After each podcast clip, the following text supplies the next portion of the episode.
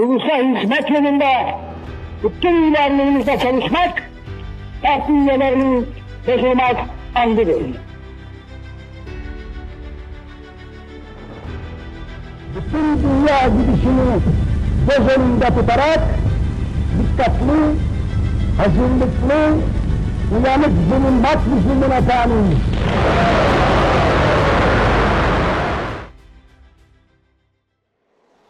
Cumhuriyet Halk Partisi'nin ilk kongresi 4-11 Eylül 1919 tarihleri arasında toplanan Sivas Kongresi, parti tüzüğünün kabul edildiği 9 Eylül 1923 ise kuruluş tarihi olarak kabul edilir.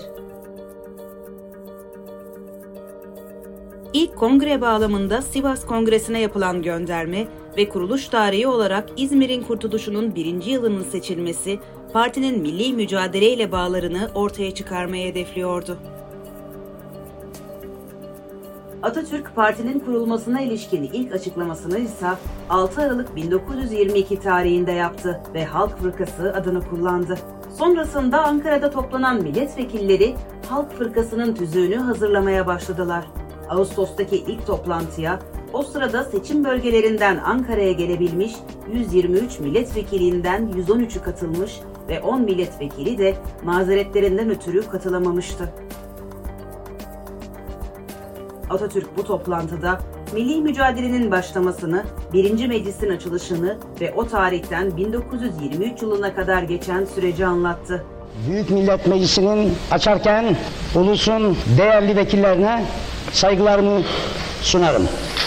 Ve sonuç olarak müdafaa-i hukukun halk fırkasına dönüşeceğini belirtti. Saygı ve sevgiyle selamlarım. Toplantı 9 Ağustos tarihinde yapıldı ve önceki toplantıda üyelere dağıtılmış olan Halk Fırkası tüzüğünün incelenmesine başlandı. Tüzüğün incelenmesi 9 Eylül 1923 tarihine kadar devam etti. 9 Eylül'de yapılan genel bir toplantıda Halk Fırkası nizamnamesi kabul edildi. 11 Eylül 1923 tarihinde yapılan Halk Fırkası toplantısında Genel Başkanlık ve Yönetim Kurulu seçimleri yapıldı. Halk Fırkası reisliğine Türkiye Büyük Millet Meclisi reisi Atatürk seçildi. Partinin kuruluş dilekçesi 23 Ekim 1923 tarihinde İçişleri Bakanlığı'na Mustafa Kemal Paşa imzasıyla sunuldu. Milletin sevgileri, hayırlı ve faydalı çalışmalarınızda daima sizinle beraberdir. Peki Halk Fırkası nasıl ikiye ayrıldı? Mustafa Kemal Paşa meclisteki Anadolu ve Rumeli Müdafaa-i Hukuk grubunun bu fırkaya aktarılması gerektiğini dile getiriyordu ve 9 Eylül 1923 günü Halk Fırkası kuruldu.